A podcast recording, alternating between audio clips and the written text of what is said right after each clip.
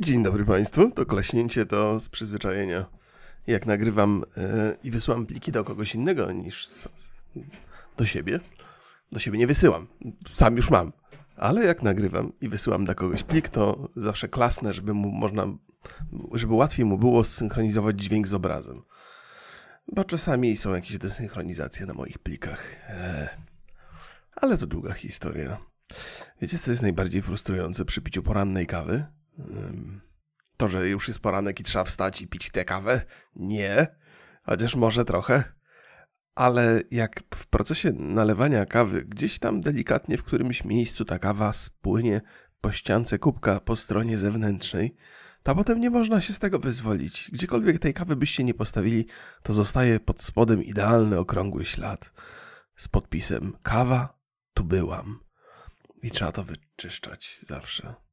Oczywiście można sobie z tym poradzić. Ja mam kawałek papieru toaletowego, położyłem na papierze toaletowym i się, i się oczyści, nie? Ale kiedy to się stało? Jak, ta, jak to się stało, że ta kawa spłynęła? A propos? Mm, mm. O, jaki, jaka, tak, jaka, jaka, jakie to jest dobre. Żona mnie wkręciła w picie kawy. Wkręciła mnie w ten sposób, że kupiła genialny ekspres do kawy. Już Państwu opowiadałem milion historii na ten temat. Nie będę się powtarzał, chociaż lubię, ale nie tym razem. Jak tam Państwu e, wakacje się zaczęły? Gorąco, wiadomo, wiadomo, chociaż wczoraj był bardzo przyjemny dzień, bo temperatura w okolicach 30 stopni, ale wiał jakiś taki przyjemny wietrzyk, żeśmy sobie z rodziną zrobili e, grilla i można było posiedzieć, pogadać i nawet oglądałem sobie jakieś rzeczy na tablecie siedząc na dworze, posłuchaliśmy muzyki, fantastycznie było. Mój podcast, proszę Państwa, nie jest podcastem parentingowym. To jest w ogóle tak. Jest coś takiego jak blogi parentingowe, vlogi parentingowe, fora parentingowe. E, parenting to jest fajny wyraz, chyba, powszechnie używany w Polsce już pewnie od wielu, wielu lat. To ładny wyraz, taki angielsko brzmiący, bo to od rodzica. Parent, parents, parents, nie? Rodzice. Parent to jest rodzic? Nie zastanawiałem się nigdy, jak to się na liczbę mnogą i pojedynczą roz, rozbija, ale pewnie tak. Um, no, więc nie, nie, ale od czasu do czasu opowiadam o swoich dzieciach i o swoich przemyśleniach w związku z tym. Eee, no bo mi to towarzyszy cały czas. Właśnie ostatnio e, się zastanawiałem, o czym by Państwu powiedzieć tutaj. E, historię i pomyślałem, że opiszę Państwu cały swój dzień gdzieś któregoś razu, jak, jak, jak spędzam z dziećmi, ale to wymaga dłuższych wstępów i pewnie nie będzie takie w 100% jak chciałbym na początku. Ale opowiem Państwu pierwszy od, od, od historii takich e, nie do końca wesołych, ale nadal zabawnych, w sensie takim, że jest to frustrujące dla mnie, Yy, ale to wszystko w sensie negatywnym.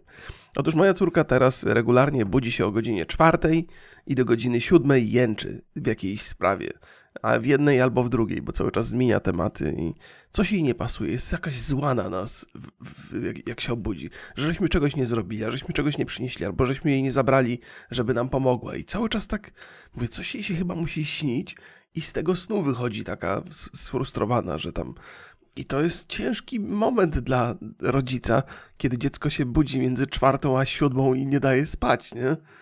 Tym bardziej, że moja żona uwielbia sobie posiedzieć do trzeciej w nocy i poczytać książkę i potem się budzi o czwartej i jest wkurzona też na maksa. W związku z tym śpimy teraz osobno. Ja mam taką małą sypialnię tutaj przy, przy biurze. I to, to w ogóle jest świetna sprawa. Zostało to przygotowane z myślą taką, że jakbym kiedyś siedział dłużej w pracy, to żeby już tam nie zawracać głowy mojej żonie w sypialni, to mogę się tutaj położyć i przespać do rana. I to jest w ogóle fantastyczne miejsce, bo, bo ja mam to swoje biuro, e, za, zaraz dalej mam to pomieszczenie takie wypoczynkowe z telewizorem, z jakimś tam e, z tymi wszystkimi aplikacjami telewizyjnymi, czasami gdzieś tutaj, no, to nie jest duże miejsce, ale tak, takie moje i mogę się różnym rozrywkom tutaj oddawać. Bardzo, bardzo to lubię. I muszę przyznać, że też z pewną sympatią wracam do, te, do takich momentów, że muszę tutaj spać, ponieważ dzieci nam nie dają życia. Więc w związku z tym ja tutaj sobie śpię do 7 rano, wstaję, zaprowadzam moją córkę do przedszkola, a moja żona w tym czasie odsypia ten, te, te, te ostatnie parę godzin jęczenia mojej córki. Ale już jesteśmy na takim etapie, że zaczynam z moją córką, córką rozmawiać o różnych rzeczach i i próbuję jej pytać, a co się stało, że ona jest, że, że jest taka zdenerwowana na nas w nocy. Ona oczywiście nic do powiedzenia w tej sprawie nie ma, ale już jej mówię, że wiesz, że to jest tak, że trochę nam to ciężko, jest to, jest to, jest ciężko, dlaczego jesteś na nas taka zła, przecież tak bardzo cię kochamy. Wiecie, takie parentingowe gadki, nie? E, I, i może coś do niej do, do, dociera.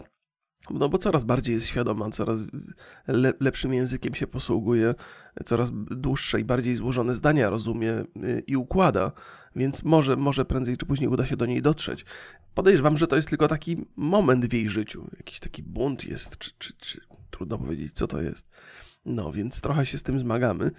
Eee, ostatnio w ogóle, no powiem Państwu też tak, że prze dokonałem pewnej transformacji swojego myślenia ostatnio. To drugi raz mi się w życiu zdarzyło. E, przynajmniej jeżeli chodzi o dzieci. No już. już Państwu opowiadam. To może być przerażające dla rodziców, którzy. Ta, znaczy, ta opowieść może być przerażająca dla rodziców, którzy dopiero mają się stać rodzicami, albo planują, albo zastanawiają się, czy, czy być rodzicami. To ja zawsze na takie pytania odpowiadam: warto, e, bo to wszystkie złe rzeczy, które się przydarzają e, po drodze, to odrobina uśmiechu i radości dziecka rekompensuje. A moja córka jest absolutnie szczęśliwym dzieckiem i to widać w każdej możliwej sytuacji. Ona chodzi, biega, śpiewa piosenki, jak ją noszę na barana, cały czas coś śpiewa, jakieś, jakieś rzeczy. Widać, że jest, jest to szczęśliwe dziecko, ma też swoje momenty słabości, na przykład o czwartej rano, ale jest to szczęśliwe dziecko i widok tego szczęścia to jest bardzo fajna rzecz, tak, daje, daje człowiekowi spełnienie. Ale to, co odkryłem, kiedy mój syn miał yy, właściwie chyba z roczek, to jest to, że żeby dobrze i komfortowo funkcjonować, z, z dziećmi trzeba zapomnieć totalnie o sobie. W sensie jest taki moment, on pewnie trwa parę lat, że Swoje rozrywki i swoje przyjemności trzeba odłożyć totalnie na bok. Nie można o nich myśleć jako o czymś, co, na, na co oczekujecie, na co, na co, co, co, zaraz się wydarzy, ale dziecko wam przeszkadza, więc musicie to odsuwać i jesteście sfrustrowani. Nie, trzeba totalnie o tym zapomnieć. To nie znaczy, że nie należy robić rzeczy rozrywkowych, ale one muszą być nie, nie mogą być na horyzoncie, bo jeżeli mamy coś na horyzoncie, a są rzeczy, które nam przeszkadzają do tego dotrzeć, to się denerwujemy bardzo mocno. Kiedyś e, na, na, na TED Talks e, słuchałem takiego wystąpienia jakiegoś pana profesora, który zajmował się mm, zajmował się powodami, dla których ludzie się denerwują, dlaczego w ruchu ulicznym bardzo się frustrujemy i tak dalej. Postaram się Państwu tak to trochę opowiedzieć, chociaż teraz nie pamiętam już tego tak wyraźnie, gdzieś mi to w, w podświadomości utkwiło, ale mówił, że y, największa frustracja ludzi jest na ulicach podczas jazdy, dlatego że to jest taka kwintesencja tego, tego, co nas tak naprawdę denerwuje. Że w naszym życiu mamy, mamy cele, takie krótkoterminowe, i żeby chcemy dotrzeć z punktu A do punktu B. I w czasie jazdy ulicą jest bardzo dużo przeszkód w dotarciu do tego punktu B i to powoduje ruinację naszego planu i, i błyskawiczne zdenerwowanie. I w życiu codziennym takie rzeczy też się zdarzają, tylko nie są takie dobitne, nie są takie atakujące nas w każdym momencie, w każdej chwili. Ale za każdym razem, kiedy mamy jakiś cel, chcemy coś zrobić za jakiś czas i nie możemy do tego dotrzeć z różnych powodów, to te powody są, yy, stają się takim podstawą naszej irytacji i często na te powody się złościmy. W przypadku mojej historii byłyby to dzieci, więc w związku z tym warto sobie odłożyć cel żeby nie mieć, po prostu jesteś tutaj dla dzieci, nic więcej nie ma znaczenia w twoim życiu, nie? Wiem, że masz pracę, wiem, że chciałbyś obejrzeć serial, chciałbyś przeczytać książkę, pogadać z żoną, ale nie, teraz jesteś tu tylko i wyłącznie dla dziecka. No i takie przełączenie się trochę na, na, na ten tryb y, y, rodzicielski yy, ułatwia. To jest jakby człowiekowi się ciężar z pleców zdejmuje. I to trochę nawiązuje do, do opowieści y, Schwarzeneggera, takiej motywacyjnej, o której wspominałem ostatnio i do której chciałbym dotrzeć w końcu gdzieś dzisiaj, ale będę miał to z tyłu głowy, bo, bo moją opowieść rodzicielską chciałbym dopowiedzieć. Więc trochę mi łatwiej teraz i tak faktycznie czuję się, jakby mi ktoś ciężar z pleców zdjął, kiedy wiem, że moje cele nie są w tym momencie najważniejsze, teraz dzieci są, są super ważne. I to ciekawe, Równie dużo uwagi muszę poświęcić swojej córce, jak i swojemu synowi, który ma co prawda 13 lat, ale to jest taki trudny okres chyba w jego życiu, gdzie on y, no, jest trochę zbuntowany, chce być trochę niezależny, a nie zawsze może, nie zawsze ma to sens, bo nie, nie zawsze potrafi jeszcze racjonalnie myśleć i funkcjonować. A w związku z tym, że zdarzają nam się dwa bunty, więcej uwagi poświęcamy temu buntowi trzylatki, no to on też jakby trochę, trochę dostaje e, po nosie i ma takie poczucie, że być może nie dbamy o niego, więc próbujemy rozmawiać na ten temat, ale gadanie, że nie, synu, nie przejmuj się, kochamy cię tak samo bardzo jak twoją siostrę, albo dbamy o ciebie tak samo bardzo, to nic nie znaczy, nie? Takie gadki, okej, okay, dobra, rodzic jest świadom, że coś robi nie tak, prowadzi te rozmowy, więc teoretycznie część sprawy powinna być załatwiona, ale ona nie jest załatwiona. To nie jest, to nie jest rozwiązanie, więc zastanowiłem się, jakie zmiany wprowadzić i też na skutek tego, że ten czas sobie tak... Yy że tak sobie e, odświeżyłem to myślenie o wolnym czasie, to też wymyśliłem rozwiązanie. I, i ono jest zaskakujące, ale chyba właściwie nawet ma sens. W przypadku chłopców ma, ma prawo zadziałać, na pewno działało, e, na pewno działało dla mnie. Otóż mm, przez, przez dosyć długi czas mieliśmy taki problem, e, że nie mogliśmy, nie byliśmy w stanie kontrolować tego, jak nasz syn spędza czas. W sensie bardzo dużo siedział przy grach i z jednej strony to jest oczywiście nie, nie do końca dobrze, nie? Dla wzroku, dla, dla postawy, dla y, tego, w jaki sposób dzieli czas na obowiązki, a na, na rozrywkę, to jest problematyczne, nie? Ale ciężko taką kontrolę nad nim mieć, kiedy się ma trzylatkę, która szaleje na przykład do, do, od czwartej do siódmej rano. Więc, y, więc jest to problem, który, który, którego niełatwo było rozwiązać. I teraz, żeby wszystko było jasne, ja go jeszcze nie rozwiązałem, ale wydaje mi się, że znalazłem bardzo dobre rozwiązanie, które na razie fa fantastycznie działa. E, no i, no i dobra, do czego zmierzam? Otóż yy, uznałem, że ja jako młody człowiek bardzo lubiłem dyscyplinę, jasne reguły, wedle których mogłem funkcjonować. Nie? Że wspomniałem o tym, że trudno mieć do mojego syna pretensje, że spędza ten czas przy komputerze, tym bardziej, że tam jest yy, dużo też komunikacji ze znajomymi. To nie jest tylko spotkanie z grą, ale też z, z kolegami ze szkoły. Te spotkania poza komputerem są ograniczone ze względu na pandemię. Ja wiem, że teraz jest lato i jest jakoś tak teoretycznie przynajmniej bezpiecznie, ale w związku z tym, że wszyscy mamy ograniczoną odporność, yy, zwłaszcza najmłodsi, no to nawet te spotkania takie szkolne się kończą często jakimiś chorobami, jakimiś katarami, grypami, innymi tym, znaczy nie grypami, grypy, grypa się wycofała o, chyba ostatnio. No ale kończą się jakimiś chorobami, więc też te się spotkania ogranicza i wszyscy to rozumieją, rodzice. Więc ten komputer stał się też takim sposobem na to, żeby spotykać się ze znajomymi ja to rozumiem. No ciężko, ciężko mówić dziecku, ej, nie możesz się spotykać z kumplami czy coś, nie możesz z nimi gadać. Nie? No wiadomo, to jest taki wiek, że środowisko spotkań to jest środowisko gry. Więc po raz kolejny jakby rozumiem, ale trzeba coś z tym zrobić. I Teraz robimy tak, że do tej pory moja żona tym zawiadywała i cały czas była zdenerwowana, że on nie przestrzega zasad, że dostaje, dostaje yy, że ma grać przez godzinę, a potem siedzi przez 3-4 i ten. I nawet po tych 4 godzinach, jak się mu mówi, ej, kończ już, to on mówi, jeszcze chwilę, jeszcze chwilę. I potem dochodzi do kłótni i w rezultacie on dostaje karę i, i w ogóle nie może siedzieć przy tym komputerze i wszyscy są wściekli i on też jest taki. Więc teraz robię tak, że E, ja mam dostęp, ja mam jego myszkę i jego telefon, nie? One są, le, leżą u mnie. I on przychodzi do mnie i mówi, tato, mogę pograć? Ja mówię, pewnie synu. E, o której skończysz, nie? Chciałbym pograć półtorej godziny. Patrzę na zegarek, ojej, półtorej godziny. No to umawiamy się, że o 12.15 przynosisz mi tutaj myszkę i, i, i, i telefon, nie? I on faktycznie, dokładnie o umówionej godzinie przynosi, jest, nie jest sfrustrowany, bo ma, ma, obserwuje ten zegarek, więc wie, ile czasu e, mu zostało. E, wszystko jakoś się odbywa w takich, w takich bardzo fajnych, zamkniętych ramach. Przychodzi tutaj, pogadamy sobie przez chwilę i idzie się zajmować swoimi sprawami. W rezultacie gra, gra mniej, więcej czasu spędza z nami. No musi, no bo przychodzi następnym razem, albo na przykład przychodzi rano i mówi, tato, mogę pograć? On mówi, jasne synu, ale jadłeś już śniadanie? No nie, ale nie jestem głodny. No ale synu, no przecież trzeba zjeść śniadanie, śniadanie jest ważne. Nasz syn jest bardzo samodzielny, sam sobie robi te rzeczy. E, no i zrobił sobie śniadanie i bierze to śniadanie i idzie. Mówię, a gdzie ty synu idziesz? Gdzie idziesz? Posiedź z nami trochę. Ja akurat siedziałem z, z Olą, coś żeśmy tam, chyba też żeśmy robili jedzenie.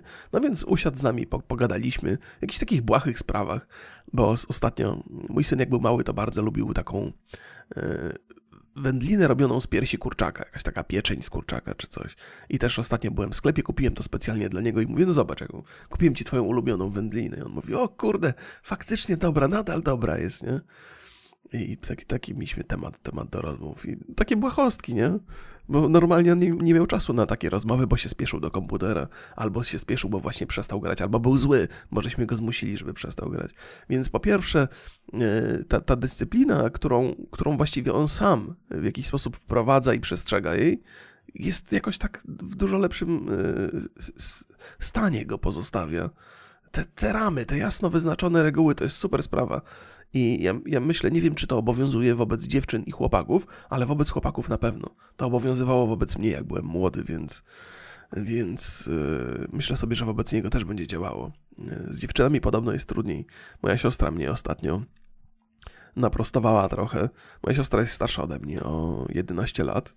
Doświadczona jest w związku z tym o 11 lat bardziej, a przy okazji pracuje z dziećmi, jest jakby związana z edukacją to, to bardzo, bardzo dawna i mówi, że co prawda nie miała córki sama, ale ma, jak on ma takie nauczycielskie doświadczenie, gdzieś tam z rodzicami rozmawia i mówi, że e, chyba to ona mi powiedziała. Prawie na pewno tak. Powiedziała, że okej, okay, jak wam się syn buntuje, to to jest jeszcze coś, co można znieść.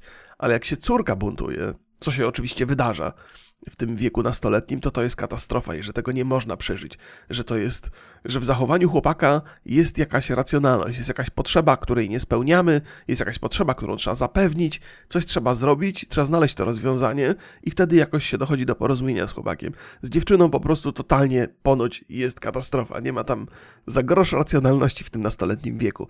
I myślę sobie, okej, okay, może to jest krzywdząca opinia dla kobiet, ale to jest opinia również kobiety, czyli mojej siostry, to po pierwsze, więc proszę mnie nie winić. Po drugie, wiem, jak wyglądają koncerty, na które idą nastolatki, nie? Tam nie ma racjonalności. Tam jakby takiego zamiłowania do, do e, e, wymyślonej postaci, jaką jest młodociany piosenkarz, bo to jest wymyślona postać, nie? E, to, to, to chłopaki w żadnym wieku nie przejawiają, więc, więc myślę sobie, że tak, tu pod tym względem dziewczyny faktycznie mają prawo być inne i chyba są i jestem zatrwożony, ale no trochę się mentalnie przygotowuję na ten szok. Myślę sobie, że to, że moja żona najbardziej po uszach dostanie, no bo to jednak córka, nie? No to ona musi dbać, musi ją naprostować jakoś, nie? Prawda, że tak? Bo ja nie wytrzymam. W sensie ja, ja jestem za bardzo spolegliwy chyba lubię takie rzetelne rozwiązania właśnie z tą dyscypliną, to, to, to o czym rozmawiam. Ja lubię plan taki mieć, przyjąć sobie jakieś założenia, wedle nich funkcjonować, w tym się sprawdzam, nie? Ale, ale jak są takie, takie momenty, że powinienem okazywać, nie wiem, jakieś zirytowanie albo być zdenerwowanym na dziecko, to bardzo szybko odpuszczam, nie? Nie jestem w stanie zaraz idę, idę jakąś. Nie, nie, no zaraz się poddaję. Jestem strasznie słaby w konfliktach. Bardzo ulegam, jeżeli ktoś jest na mnie zły. Moja żona trochę to wykorzystuje, wie o tym, ale mi to nie przeszkadza za bardzo. Ale moje dzieci też. Mój syn też to wie. Y, I ten, i pewnie też to wykorzystuje, a już moja córka to, to nawet sobie nie potrafi wyobrazić, nie? Jeżeli moja żona i mój syn tutaj są w stanie mnie przejrzeć i zmanipulować, to co dopiero córka, ona to będzie na pewno wszystko wyczuwała bardzo dobrze. Więc no jestem zatrwożony, ale myślę, że sobie jakoś poradzę. No i żeśmy ostatnio, jako żeśmy y, tego grilla zrobili, mm, wspominałem o grillu? Wspominałem chyba. Super był udany, ja uwielbiam grillować. Lubię być taką osobą odpowiedzialną za przygotowanie tego mięsa. Nie wszystko jeszcze mam opanowane, muszę przyznać, że to właściwie drugi grill, który ja prowadziłem jako, jako y, kucharz. E, jest jakieś określenie dla faceta, który grilluje? E, mistrz grilla? Mistrz tego rusztu? E, może tak. No więc jeszcze, jeszcze mam takie mm, cały czas lawiruję między mięsem jeszcze nie do końca przysmażonym, a mięsem y, prze, prze, przesmażonym, jakby wysuszonym za bardzo. Moja żona bardzo lubi, kiedy to mięso już jest takie wręcz e, przy, przypalone trochę, a ja nie do końca jestem fanem, bo wtedy jest suche w środku, więc próbuję znaleźć złoty środek i to jest, to jest podróż, która, która będzie jeszcze trwała pewnie przez, przez parę grilli, ale i tak wychodzi bardzo dobrze, żeby nie było, nie? Tylko czasami ja jestem bardziej zadowolony, czasami moja żona jest bardziej zadowolona. I, no i czasami muszę wziąć kawałek i wrzucić go z powrotem na ruszt, bo, bo gdzieś tam nie do końca był przysmażony w środku. No, ale wczoraj zrobiłem trochę cukinii na, tej, na tym grillu, trochę kurczaka, trochę kiełbasek. Wszyscy byli zadowoleni, mój syn był zadowolony. Fajnie było. Jeszcze żeśmy skosili trawę.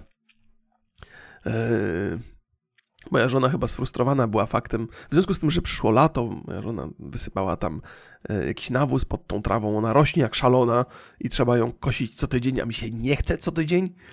I koszę co półtora tygodnia albo co dwa tygodnie moja żona już taka sfrustrowana była ostatnio i mówi, ty pokaż mi jak, jak to kosisz, ja, ja będę kosić bo już nie mogę na to patrzeć. Nie? Mówiła to łagodniejszymi słowami, ale czułem w środku, czułem jakby mi ktoś sztylet wbijał w serce, nie? że mój tutaj, że ja tu koszę zawsze, ta trawa wygląda elegancko, moja żona mnie tak pochwali, powie, ale ładnie zrobiłeś, a teraz chce mi to odebrać, nie? Pewnie chce mnie nastraszyć. I ostatnio mówię, no dobra, już taki zrezygnowany, bo już tak mnie piłowała strasznie. Zabrałem ją, no jak, jak kosiłem trawę, oczywiście pozwoliłem jej kawałek kosić, ale jak zobaczyłem, jak ona kosi, jakie to jest nieracjonalne, nie, nierówno, nie idzie po linii tak jak trzeba. Myślałem, że umrę z wściekłości i w końcu zabrałem jej tą kosiarkę. E, I teraz i, skosiłem do końca e, i teraz znowu zacząłem kosić i ona mówi, ale ja nie mam teraz czasu, nie mogę z tobą pójść. Ja mówię, trudno, trudno, pokażę ci innym razem. Ona mówi, ale nie pokazałeś mi, jak podłączyć, ja już bym mogła. A ja mówię, no kochanie, no niestety trzeba kosić, zobacz jak wyrosło. I szybko zabrałem syna, żeśmy skosili tak, jak, że, że ni niestety moja żona nie mogła to przyjść, nie mogła mnie sprawdzić, więc toczymy tutaj bitwę na polu, na polu trawiastym. To tak jak polscy piłkarze, nie? E, za wcześnie? Jeszcze boli? No to przepraszam. E, no, więc, więc e, tak, no to bardzo przyjemny był w ogóle weekend, weekend za mną, taki, taki pozbawiony tej presji związanej z tym, że ja szybko chcę iść i robić swoje rzeczy, bo powiedziałem, odłożyłem to na bok na razie. Moje, moje przyjemności, nawet moje obowiązki schodzą na dalszy plan, liczy się to, co dzieci potrzebują. I w związku z tym mam trochę więcej czasu i cierpliwości i mogę, jak na przykład moja córka jest zbuntowana i nie chce myć zębów, to nie krzyczę na nią, mówię, trzeba umyć, oddawaj zabawki! Tylko siadam przy niej i mówię, no to dobrze, to poczekamy, nie? I opowiadam, że zęby trzeba umyć, że to jest ten. I dziecko, jak się tak z nim posiedzi trochę, czasami dłużej niż to, niż rozsądek by yy, wskazywał, to ono odpuści, nie? Zaczyna się nudzić tym, że siedzimy cały czas w jednym miejscu i gadamy o, o tym i pozwoli sobie umyć zęby. E, I tak z moim synem było zawsze, ale muszę przyznać, że moja córka jest dużo bardziej zaciekła w tych swoich, e, w tych swoich postanowieniach. Dużo bardziej zaciekła niż mój syn. Z nim wystarczyło posiedzieć 5 minut, on był zdecydowanie mniej cierpliwy i odpuszczał, nie? A ona to 10 minut siedzimy i mówię w końcu, dobra. I, I siedzimy, siedzimy, bo to akurat było w kąpieli, zaczęła się bawić zabawkami. Nie? Mówię, cholera, trzeba zabierać te zabawki, więc zabieram po jednej, po jednej, po jednej. I w końcu, jak zabrałem konewkę, jak zabrałem kaczuszkę, powiedziała, nie, zaczęła płakać. Mówię, kochanie, no musimy umyć zęby, to jest ważne. No i wtedy odpuściła. I tak myślę sobie, czy ja wygrałem tę walkę, czy zastosowałem przemoc. W sensie takim, że oczywiście nie stosowałem przemocy i nigdy nie stosuję w sensie dosłownym, ale gdzieś tam y, zmieniłem swój plan, czyli nie czekałem cierpliwie, tylko pod, podjąłem jakieś środki, żeby jej trochę życie utrudnić. I myślę sobie, kurde, to chyba nie jest do końca to. No ale trzeba jakoś sobie radzić, nie? Trzeba sobie jakoś radzić. Opowiadałem Państwu pewnie gdzieś tam w jakichś swoich starych rzeczach, we, we vlogach. Miałem fantastycznego nauczyciela od języka angielskiego w, na studiach. Um, I mieliśmy, muszę powiedzieć, że raz, raz, tylko w jednej rzeczy żeśmy się nie, dogad nie dogadali, bo ja, ja dosyć dobrze sobie radziłem z angielskim, więc w tej kwestii żeśmy się dogadywali. I druga rzecz, yy, to był w ogóle super fajny facet, nie? Po, gdzieś po drodze też pisarzem został i mam wszystkie jego książki, uwielbiam jego książki nie będę mówił, bo też nie będę mówił kto to, bo, bo tam takie teorie były, właśnie żeśmy się pokłócili w kwestii teorii i ta teoria jego przynajmniej wydaje mi się niespecjalnie popularna dzisiaj zwłaszcza, bo on uważał, że dziecku należy dawać klapsa, jak, jak, jak nie słucha, nie? Ja zawsze uważałem, że absolutnie nie ma mowy, nie ma mowy, żebym podniósł e, rękę na dziecko, że to jest, okej, okay, to jest ktoś się może poczuć dotknięty moją opinią. Proszę nie brać tego sobie super serio, ale uważam, że to jest, kiedy rodzic musi się posuwać do przemocy fizycznej wobec dziecka, to jest objaw niekompetencji. Że jest mnóstwo sposobów na to, by dziecko przekonać do swoich racji, i jeżeli nie jesteś w stanie, jakby psychologicznie, nie wiem, przejąć kontroli nad małolatem, to znaczy, że coś jest nie tak, nie? Oczywiście wiem, że wymaga to czasu, cierpliwości, nie każdy ten czas ma. To też jest... Ja sobie mogę pozwolić na te teorie, ponieważ nawet jak mi dziecko szaleje przez cały dzień, to ja sobie popracuję w nocy. No nie każdy ma taki komfort. Nie? Ja, zawsze znajdę, więc no, wiadomo. Wszystkie mądre teorie są dopasowane do tego, w jakim standardzie żyjemy i jakie mamy możliwości, nie? Czasami nie ma, nie, nie, ma, nie ma takiej opcji, żeby siedzieć 15 minut i czekać, aż dziecko się wykąpie, bo trzeba się wyspać i wstać rano o 5 do pracy, nie? No i wtedy, no nie wiem, no może ten przemoc, to może ta przemoc bezpośrednia ma jakiś, jakiś sens, może jest opcją, nie wiem, nie wiem, nie wiem, nie wiem. Wydaje mi się, że nie powinna być nigdy, no ale nie mi oceniać, nie? Sam dostawałem w tyłek i wyszedłem jakoś na ludzi, więc teoretycznie nie jest to takie złe rozwiązanie. No więc żeśmy się kłócili i pamiętam, że wtedy, wtedy ja miałem syna, który miał chyba roczek i on powiedział, poczekaj, poczekaj, będziesz miał starsze dzieci yy, i wtedy pogadamy, nie? No bo on starszy był ode mnie, więc też starsze dzieci miał. I chciałbym dzisiaj powiedzieć, że mam 13-letniego syna, prawie 4-letnią córkę już i na żadne z nich ręki nie podniosłem i wydaje mi się, że zmierzają w dobrą stronę. W sensie takim, że, że chyba wyjdą na ludzi. Znaczy, tego nie można być do końca pewnym, ale zdaje mi się, że, że jest w miarę okej, okay, że, że, że i mój syn, i moja córka, córka jeszcze nie wiadomo, ale mój syn, że ma swoje słabości, ale, ale jest, jest okej. Okay. Przyzwoity z niego chłopak, dobry z niego chłopak. Ma serce po właściwej stronie chyba. Więc jest okej, okay. ale czas pokaże, nie? Czas pokaże. Hmm. Tak. Coś jeszcze chciałem Państwu dopowiedzieć do tego. No, mam, mam pozytywnie jestem nastawiony teraz, tak, tak, do, do, tego rodzicielstwa ostatnio. Uważam, że jest to rzecz cenna, ale też mam takie momenty, że sobie wyobrażam, jakby to by było, gdybym, gdybym nie miał dzieci. To jest niewyobrażalne, ile czasu bym zyskał. Nie wiem, co bym z tym czasem robił, nie? E, ostatnio gdzieś tam e, jeden ze swoich starszych podcastów wrzuciłem na YouTube'a. To był akurat taki odcinek, gdzie opowiadam, że się nudzę i dlatego jestem sfrustrowany. I ludzie mnie oczywiście napadli, bo to YouTube, nie? Że, a jak, że, się, no, że ludzie inteligentni się nie nudzą, to po pierwsze, a po drugie, że masz za dużo wolnego czasu, za duży komfort w życiu. I tak sobie myślę, Jezu drogi, jak, jak ludzie w, czasami w ograniczony sposób oceniają to, co usłyszą. Jest człowiek, który pracuje na przykład 14 godzin na dobę, też się może nudzić od czasu do czasu, bo ma tę godzinę na przykład dla siebie, przeznaczoną na rozrywkę i nie ma w czasie tej, tej godziny co robić, nie? Bo nie może nic znaleźć takiego, co go zainteresuje. No to się nudzi przez godzinę, ale to nie znaczy, że jest nierobem i że mu zbyt wygodnie się żyje, nie? No zasuwa od rana do wieczora. Ja nie mówię, że ja, ja pewnie tracu, dzisiaj pracuję zdecydowanie mniej niż 14 godzin na dobę, ale był taki moment na, na, na początku mojego funkcjonowania na YouTubie, nawet moment. Ze 3-4 lata takie były. E, dzisiaj mam trochę więcej swobody i trochę rozsądniej podchodzę do tego czasu, ale nadal jestem zajęty. Nie? Nadal dzieciaki mi, mi zajmują czas. To nie jest tak, że mam tyle wolnego czasu, że obejrzałem już wszystko, przeczytałem już wszystko i nic mnie nie, nie, nie, nie może nowego wkręcić. No nie, po prostu powstaje owszem dużo rzeczy, ale nie, niewiele jest takich, które idealnie się wpasowują w moje klimaty. Może każdy tak ma, są tacy na przykład, co lubią, nie wiem, kryminały, nie? No i w pewnym momencie ilość kryminałów się wyczerpie. A to, że jest dookoła pełno dramatów, komedii, filmów obyczajowych, science fiction czy fantazy, to już nie kręci tego zwolennika kryminałów, nie? No co mu z tego, że tyle dzieł powstaje? E, jak, jak to nie jest jego bajka, nie? Ja mam tak samo, no ja uwielbiam science fiction, straszliwie uwielbiam science fiction. Nie dlatego, że to jest takie dumanie w chmurach, ale dlatego, że to jest, jest fantastyczne myślenie o tym, co by było, gdyby. Yy, lubię, lubię, bardzo lubię patrzeć na to, jak ludzie, twórcy tych wszystkich dzieł, oceniają przyszłość, yy, co im się wydaje, że nastąpi. Yy, to jest dla mnie fascynujące pod wieloma względami. No, e, no, to tak. No, miałem o tym Schwarzeneggerze Państwu opowiadać. To jest fajna rzecz, która, która mnie mocno mnie zastanawia. Na, na YouTubie jest taka mowa motywacyjna Schwarzeneggera i tam ona trwa kilkanaście minut, natomiast mnie e, zafascynowało kilka pierwszych minut, kiedy on opowiada o tym, że powód, dla którego osiągnął tak dużo, jak osiągnął, bo to jest e, niezaprzeczalne, jest taki, że w bardzo młodym wieku wyznaczył sobie cel.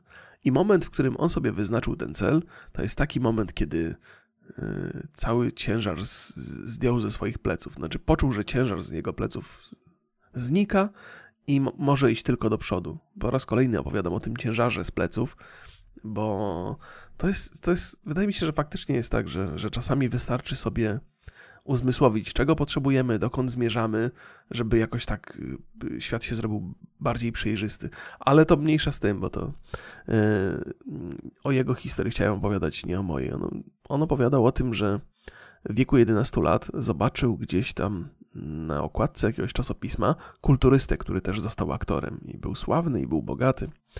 I, i takie życie sobie ułożył i powiedział: Dobra, to ja mogę tak zrobić. To, to jest mój cel w życiu. I, pomyślałem sobie, kurde, żeby sobie wyznaczać cel w życiu, znaczy to już świadczy o tym, że w tym facecie było coś wyjątkowego, że on w wieku 11 lat czuł już na sobie pewną presję i ciężar i chciał się tego pozbyć za wszelką cenę. I ja, mimo że lubię oczywiście o sobie myśleć pozytywnie, to w życiu bym sobie nie, nie przypominam sobie, żebym w wieku, ja byłem w tym wieku 11, 12, 13 lat totalnie mm, totalnym ignorantem, w sensie, że w ogóle mnie nie interesowała jakakolwiek presja, po prostu żyłem chwilą, być może do dzisiaj żyję chwilą, ale nie miałem takiego poczucia, że, że coś jest nie tak, że coś muszę zrobić ze swoim życiem, że, że, żeby, żeby pójść inną ścieżką niż tą wyznaczoną przez, przez rodziców, a potem szkołę. W ogóle mnie to nie interesowało. Więc w Schwarzeneggerze od samego, od samego początku musiało być coś wyjątkowego, nie? Że on miał silną potrzebę, żeby się wybić poza te normy, które dookoła go otaczają. I on oczywiście mieszkał w Austrii, w małej miejscowości, która nie, nie, nie, nie, nie, do dzisiaj nie cieszy się jego przesadną sympatią. Więc to może być pewną przyczyną. No ale w Polsce też są małe miejscowości, a Schwarzeneggerów za dużo nie mamy. W sensie nie mówię, że tam o, w Polsce nie, nie urodził się żaden Schwarzenegger, to niedobrze. Pewnie jest cała masa artystów, pisarzy, y, być może nawet y, reżyserów, którzy, którzy gdzieś tam poszli, poszli trochę dalej, ale nie, nie o to chodzi, żeby wyszukiwać akurat w Polsce, że chodzi o tego jednego konkretnego faceta, który się nazywa Schwarzenegger, który jako dziecko wyznaczył sobie cel i zmierzał do tego celu. On oczywiście wyznaczył sobie cel, który jest powiedzmy w, nawet dosyć osiągalny. W sensie zostanę kulturystą nie? i będę ćwiczył. Okej, okay, to jest coś, co możesz zacząć robić tu i teraz. Nie? To nie jest tak, że zostanę sławnym chirurgiem, a po drodze cała masa przeszkód. E, albo zostanę sławnym reżyserem. I po drodze to oczywiście, że cała masa przeszkód, łącznie ze środowiskiem, które może na przykład nie chcieć ci przyjąć, albo nie masz kontaktów i tak dalej. Jest, jest y, na, pełno ścieżek jest życiowych, gdzie teoretycznie można sobie wyznaczyć je jako cel, ale tam jest dużo więcej przeszkód niż w tym zostanę kulturystą, nie?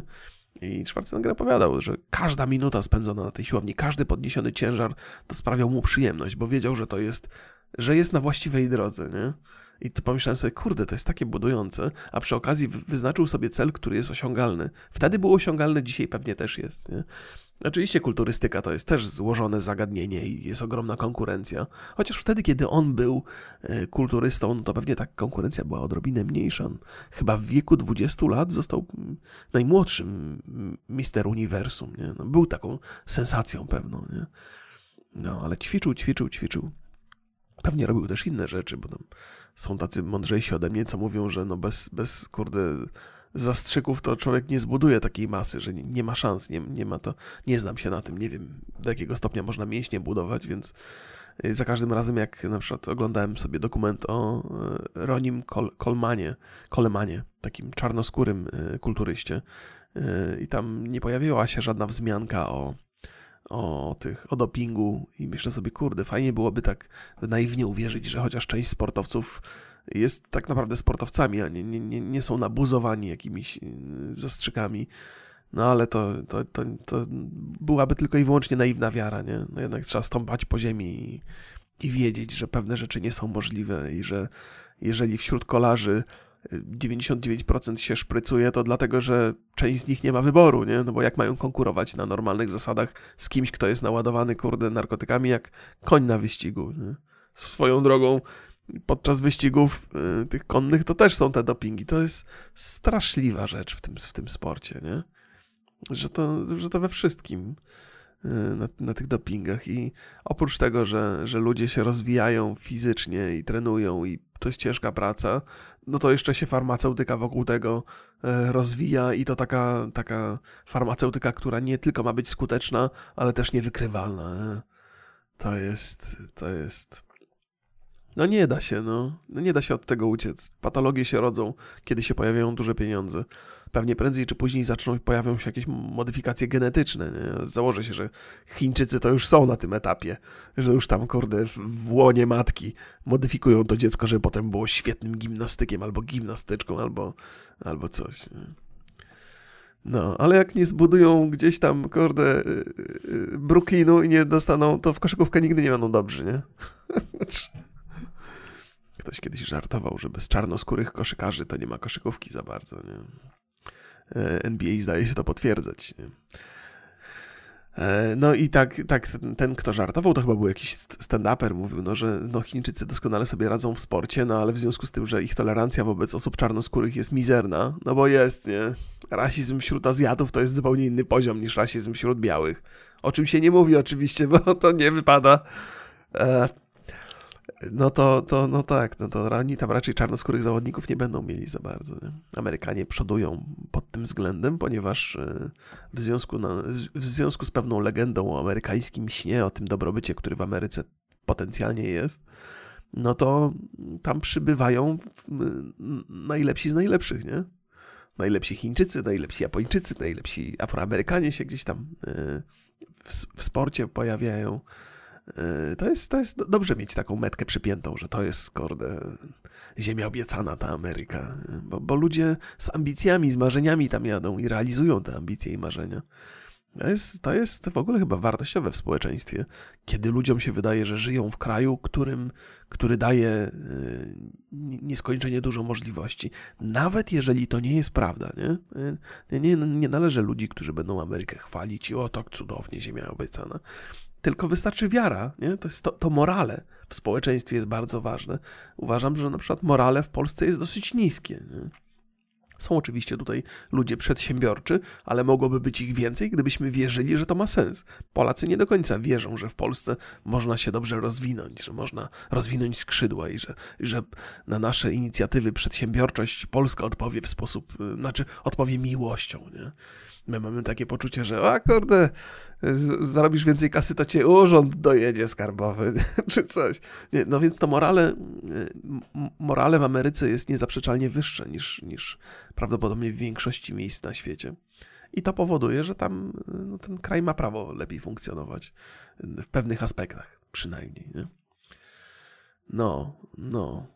Opowiedziałem Państwu o tym Schwarzeneggerze, ale to jest tylko ułamek z tego, co on, co on opowiadał, ale to jest, kurde, nie, cały czas mnie fascynuje to, że on w tak młodym wieku wiedział, że trzeba się wyrwać poza, poza schemat. To mi przypomina kolejną historię, która w zasadzie jest takim dla mnie, może od miesiąca, dwóch miesięcy zaczynam o tym myśleć. Mm, przejrzałem sobie sporo jakby e, wiecie pewnie, że znakomita większość tych takich przedsiębiorców czy właścicieli korporacji, czy takich wielkich firm, zwłaszcza funkcjonujących w internecie, nie ukończyło żadnych szkół takich wyższych, na przykład, nie wiem, Jobs, Bill Gates chyba też zdaje się gdzieś to rzucił po drodze. Nie wiem, jak tam do końca wygląda sytuacja z Bezosem, czy z Elonem Muskiem, ale podejrzewam, że ich zamiłowanie do edukacji też nie było przesadnie duże, chociaż Elon Musk akurat jest inżynierem, więc podejrzewam, że jego, jego wykształcenie techniczne musi stać na bardzo wysokim poziomie, ale w związku z tym, że on e, operuje na wiedzy, która jest y, bieżąca bardzo, no to podejrzewam, że więcej się uczy dzisiaj niż mógł się uczyć z jakiejkolwiek uczelni. Ale, ale nie wiem tego. Mam takie przeświadczenie, że ci ludzie, którzy osiągają najwięcej, niekoniecznie mm, mają za sobą jakąś bogatą y, historię edukacyjną. Y, więc przeglądam sobie różne takie filmy właśnie o, o tych ludziach. To są takie trochę biograficzne, ale często są to jakieś takie wywiady dłuższe, opowieści i trafiłem na dwa albo trzy takie materiały, w których ten człowiek y, osiągający tak wiele y, opowiada, wypowiada się w negatywny sposób o szkole, nie? ale w zupełnie inny sposób niż my mówimy na co dzień. Bo co my mówimy na co dzień o szkole? Mówimy, że tak, że szkoła nas wszystkich do, jednej, do, jednej, do jednego poziomu równa, nie? że kształci wszystkich w ten sam sposób, że zabija kreatywność. Nie? I to jest coś, co, co rozumiemy i no trudno, nie? No taki system edukacji tam ponad 100 lat temu wymyślony i tak został, nikomu się nie chce albo nikt nie potrafi tego zmienić i tak funkcjonujemy w tym. Ale na podstawie tych ostatnich filmów doszedłem do wniosku, że to kurde, że, że nawet jeżeli dostrzegamy ten brak kreatywności, który jest powodowany przez szkołę, to nie, nie rozumiemy istoty problemu. Szkoły są takie, jakie są, ponieważ wszystkim pasuje, żeby takie były, ponieważ one mają kształcić robotników i pracowników. To jest zadanie szkoły. I to nie jest coś, co jest przypadkiem. Tak się dzieje, ponieważ tak ma się dziać, ponieważ pracownicy i robotnicy są najbardziej potrzebni. I ten system edukacji, i nawet podejrzewam, że nauczyciele też mają takie poczucie, że, że walczą z tym systemem, nawet jeżeli są tacy nauczyciele ambitniejsi, że chcą coś więcej, chcą, chcą tym dzieciom dać coś więcej, to nadal operują w ramach tego systemu i nadal wszyscy są równani do jednej miarki, ponieważ tak ma być. Tak samo jest z religią. Ja, ja jak byłem młody, młodym człowiekiem, to byłem bardzo sfrustrowany z powodu religii. Potem zrozumiałem, że to jest pewien system, który funkcjonuje w społeczeństwie, bo ma określone cele i ma określone funkcje. I już religia dzisiaj mnie tak nie frustruje bardzo. Nadal mam do niej negatywny stosunek oczywiście, ale rozumiem z czego to wynika. Jest taka potrzeba społeczna i religia ją zaspokaja. W jakiś sposób to, to że tam te systemy kontrolują społeczeństwo, to jest, to też jest taka coś, co rozumiemy, ale, e, ale już rozumiemy to, ale nie, nie nie czujemy potrzeby, że warto to zmieniać, nie? Albo, albo coś. No.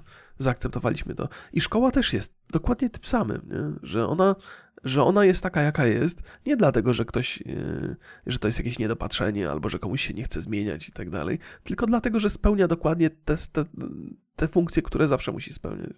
Jeżeli ktoś chce się wyrwać poza ten obrys, chce osiągnąć więcej, to porzuca szkołę bardzo szybko. W sensie, powiedzmy tam... Yy, większość tych ludzi porzuca szkołę na poziomie studiów tych wyższych, nie? Uczelni. To nie jest tak, że ktoś rzucam podstawówkę, zostanę biznesmenem, nie? To nie, nie te, to, to, to nie tak. Nie? Ale ci ludzie, tak samo jak Schwarzenegger, w młodym wieku dostrzegają, że w tym systemie coś jest nie tak, że ten system nie zaspokoi ich potrzeb, że ten system nie pozwoli im się wyrwać poza normy. A ja, a ja patrzę na swoją przeszłość, tak, i myślę sobie, Jezus, jak ja bardzo lubiłem szkołę, jak mi się to wydawało cudowne i proste i określone miało reguły ale, ale to jest ta pułapka, nie? To jest ta pułapka, że te, że te, te rzeczy, taka, ta, taka dyscyplina, przychodzenie o określonych godzinach, robienie określonych lekcji, pewien taki pewne takie tryby, w które się wpasowujemy, to jest pułapka. To, że ja dzisiaj robię rzeczy takie niekonwencjonalne, to jest totalny przypadek.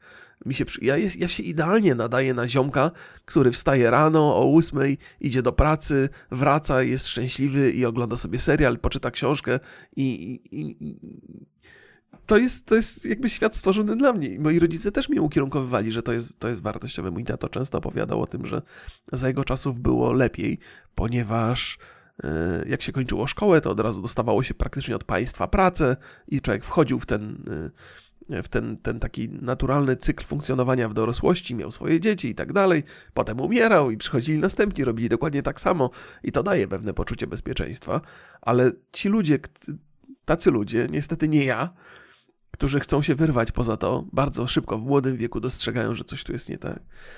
Ale problem polega na tym, że ten system też potrafi udupić ludzi, którzy widzą, że z nim coś jest nie tak w młodym wieku, ale nie potrafią się wyrwać poza to. Ja, wydaje mi się, że miałem przynajmniej trzech takich kolegów, którzy moim zdaniem powinni osiągnąć w życiu fantastyczne rzeczy, i było widać od samego początku, że oni czują, że z tym systemem coś jest nie tak, że próbują wyjść poza niego, ale nie potrafią, w sensie nie dają rady się wyrwać, nie? że ten system ciągle ich wciąga i przeżuwa i wypluwa, że oni próbują uciec, ale nie, wciąga ich i, i, i każdy z nich, raz, dwa, dobra, przynajmniej dwóch z nich, nie wiem, nie wiem jak się potoczyły los trzeciego, uważałem, że byli genialni yy, jako dzieciaki, mimo że mieli nie do końca dobre oceny, Mm, skończyło w ramach jakby funkcjonowania w tym trybie, czyli mają pracę jakąś taką e, zwyczajną, powtarzalną e, i chyba nie do końca dobrze wspominają szkołę, to jest zresztą oczywiste, i nie wyszli, nie, nie, nie wyrwali się z tego, więc podejrzewam, że takich dzieciaków, które czują, że coś jest mocno nie tak, jest dużo więcej,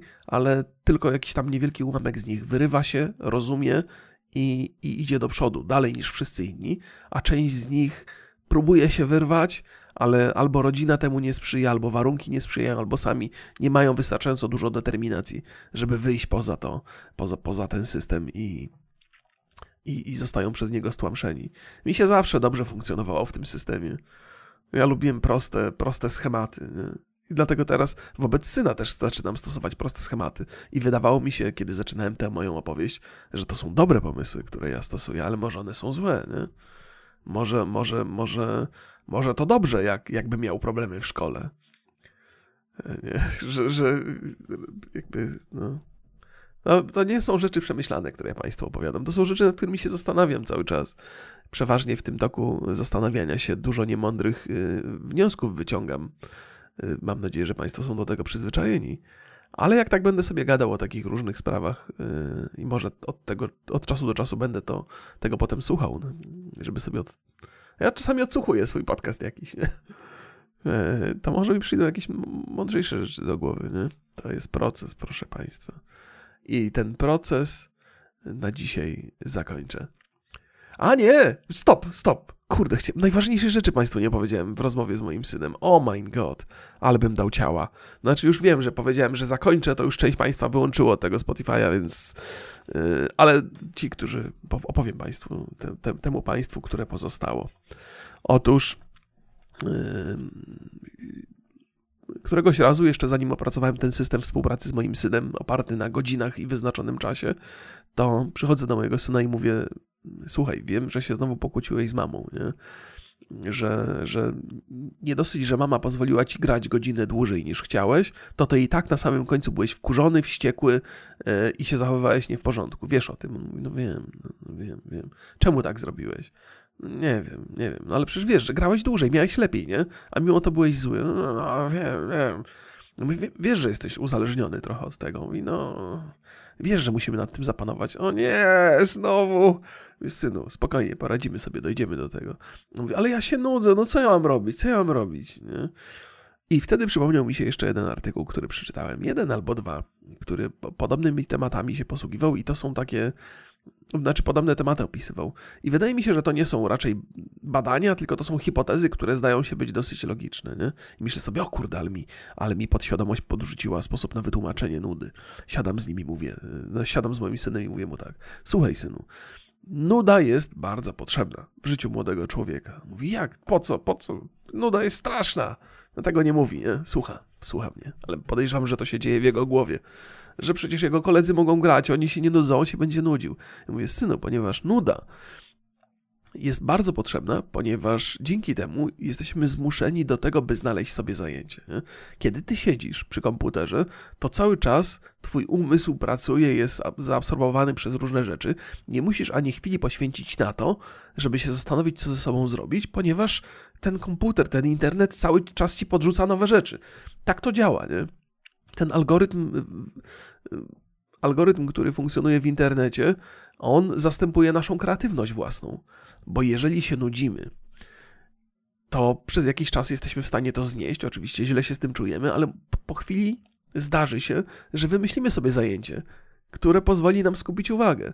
I jeżeli nasze dzieci są pozbawione tych momentów, gdzie, gdzie, gdzie się nudzą i gdzie są zmuszone do kreatywnego myślenia, to one chyba nie wyrobią w sobie jakiegoś takiego mechanizmu kreatywnego myślenia, bo nie będzie im to potrzebne, bo, bo to za te dzieci i potem za dorosłych będzie robił algorytm.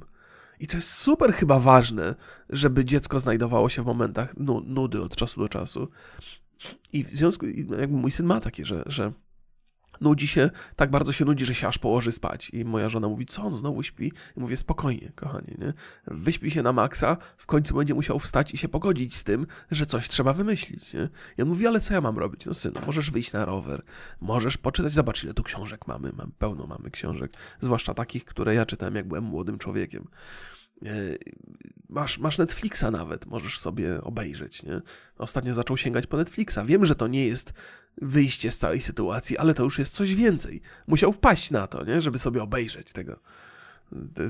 Coś tam, nie? Ogląda Breaking Bad. Może to nie jest idealne dzieło dla młodego człowieka, ale mam takie poczucie, że mimo tego, że artykuły, które przeczytałem, nie były oparte na sensownych badaniach, to nie jest teza, która została udowodniona, ale ona jest logiczna, nie? Czy wydaje mi się sensowna? Że, że jeżeli jest, masz taki moment, często ci się zdarza, że musisz za wszelką cenę wymyślić, co też ciekawego mógłbyś robić, no to to napędza pewien mechanizm w naszym umyśle, w naszym mózgu. Nie? Powoduje, że on się rozwija. I wiecie co? Opowiadałem wam o tych systemach wcześniej, o edukacji, o religii i do tego możemy zupełnie spokojnie włączyć algorytm, który działa w internecie. Nie? I lubimy sobie myśleć, że e, gdzieś tam na szczycie świata są ludzie super ultra bogaci, którzy pociągają za struny i powodują, że my tkwimy w tych systemach, że jesteśmy robotnikami, jesteśmy pracownikami, robimy rzeczy powtarzalne, żyjemy, rodzimy dzieci, umieramy, potem przychodzi następne pokolenie, robi to samo i tak dalej. Oni tam na górze stoją i rządzą i patrzą na nas, jak, jak się tutaj uwijamy jak mrówki. I to jest fajna perspektywa, ona taka w sensie fajna, że mamy, mamy jakiś cel, na który możemy się złościć, że to oni nas tak z, wprowadzili nas w taki, w taki stan. Ale wydaje mi się, że te, te, systemy, które żeśmy zbudowali, te trzy, które, o których Państwu opowiadam, to jest coś, co jest tworem społecznym. To nie jest twór zorganizowany przez e, ludzi działających z premedytacją. Że to jest coś, co żeśmy sami sobie wymyślili i sami sobie narzucili. Że, że to jest. Że znajdujemy się na takim etapie jako społeczeństwo, że te rzeczy, religia, edukacja tego, tego typu i algorytmy są potrzebne żebyśmy się nie, na przykład nie pozabijali, albo nie pozjadali, albo nie wiem, coś, coś jeszcze. Że, że to jest cały, cała masa takich, tak, takich rzeczy, które zdają się być tworem jakiejś e, e, ideologii, nie? Jakiejś, jakiejś takiej negatywnej ideologii wobec społeczeństwa, a tymczasem to chyba może być taki naturalny bardzo projekt, taka naturalna rzecz, która się pojawia w społeczeństwie, ponieważ jest taka potrzeba, nie? że rządzą nami trochę siły, których nie do końca rozumiemy, ale pod które się dopasowujemy. Nie? Religia te siły nazywa oczywiście Bogiem, nie? E, edukacja pewnie też ma jakąś określoną nazwę do tego i algorytmy są same Bogiem, same w sobie pewnie, nie? E, w jakiś sposób ale to jest tak naprawdę coś, co, co wymyślamy i akceptujemy społecznie, ponieważ to jest w danym momencie potrzebne nam. Nie? Dla jakichś takich celów, których jeszcze nie rozumiemy. Że oczywiście każdy z nas myśli o sobie jako o jednostce, która jest niezależna, która potrafi myśleć i funkcjonować samodzielnie, która ma swoje własne idee i być może jednostkowo jesteśmy, potrafimy być wybitni i wyjątkowi, ale jako całość, jako masa, to jednak bardzo mocno chyba przypominamy to mrowisko. I procesy, które w tym społeczeństwie zachodzą, pewnie jakiś socjolog je bada dokładnie i potrafi je opisać, ale wydaje mi się, że one się jakkolwiek źle byśmy ich nie oceniali, to one się wydarzają w sposób naturalny. I nawet jeżeli przyjmiemy sobie grupę ludzi, która rządzi w tym tak w przemyślany sposób tym światem, no to jak w jakiś sposób ci ludzie doszli do, do władzy, nie? Że my jako społeczeństwo zbudowaliśmy pewne relacje i zasady i na bazie tych zasad określone jednostki mogą być na szczycie i mogą nami rządzić, nie? Ale to tylko dlatego, że społeczeństwo zbudowało pewne zasady i te zasady też są gdzieś tam poza naszym więc ja nie lubię myśleć o sile wyższej, ale lubię myśleć y, w ten sposób, że społeczeństwo, y, że jest jakiś taki trudniejszy do ogarnięcia cel, który mamy do osiągnięcia jako całość, jako ludzkość, i że ten cel jest następstwem pewnych takich społecznych działań, których nie pojmujemy do, do końca. I że, że jest to takie naturalne tempo rozwoju, i ono nie zawsze jest przyjemne dla jednostek, y, i rzeczy się dzieją i że one są trochę niekontrolowane, bo, bo z jednej strony mówimy o tym, że y, jest coś takiego jak y, psychologia tłumu, nie? że jako tłum podejmujemy dużo negatywnych, y, znaczy bardzo złych działań podejmujemy funkcjonując w tłumie, w masie, ale być może też są jakieś pozytywne aspekty tego funkcjonowania w masie. I rzeczy, które dzisiaj są systemem zniewalającym nas, mogą doprowadzić do czegoś dobrego w przyszłości. Ale popłynąłem na końcu. Chciałem o tej nudzie, nie? No, więc, więc uważam, że nuda jest potrzebna przy kreatywnym myśleniu. Jakkolwiek absurdalnie by to nie brzmiało. Pozdrawiam Państwa, przepraszam za tą końcówkę, jeżeli ona była nieprzemyślana do końca. Ale to większość moich rzeczy. Ja być może czasami brzmię, jakbym wszystko miał przemyślane, ale nie jest to prawda. Pozdrawiam.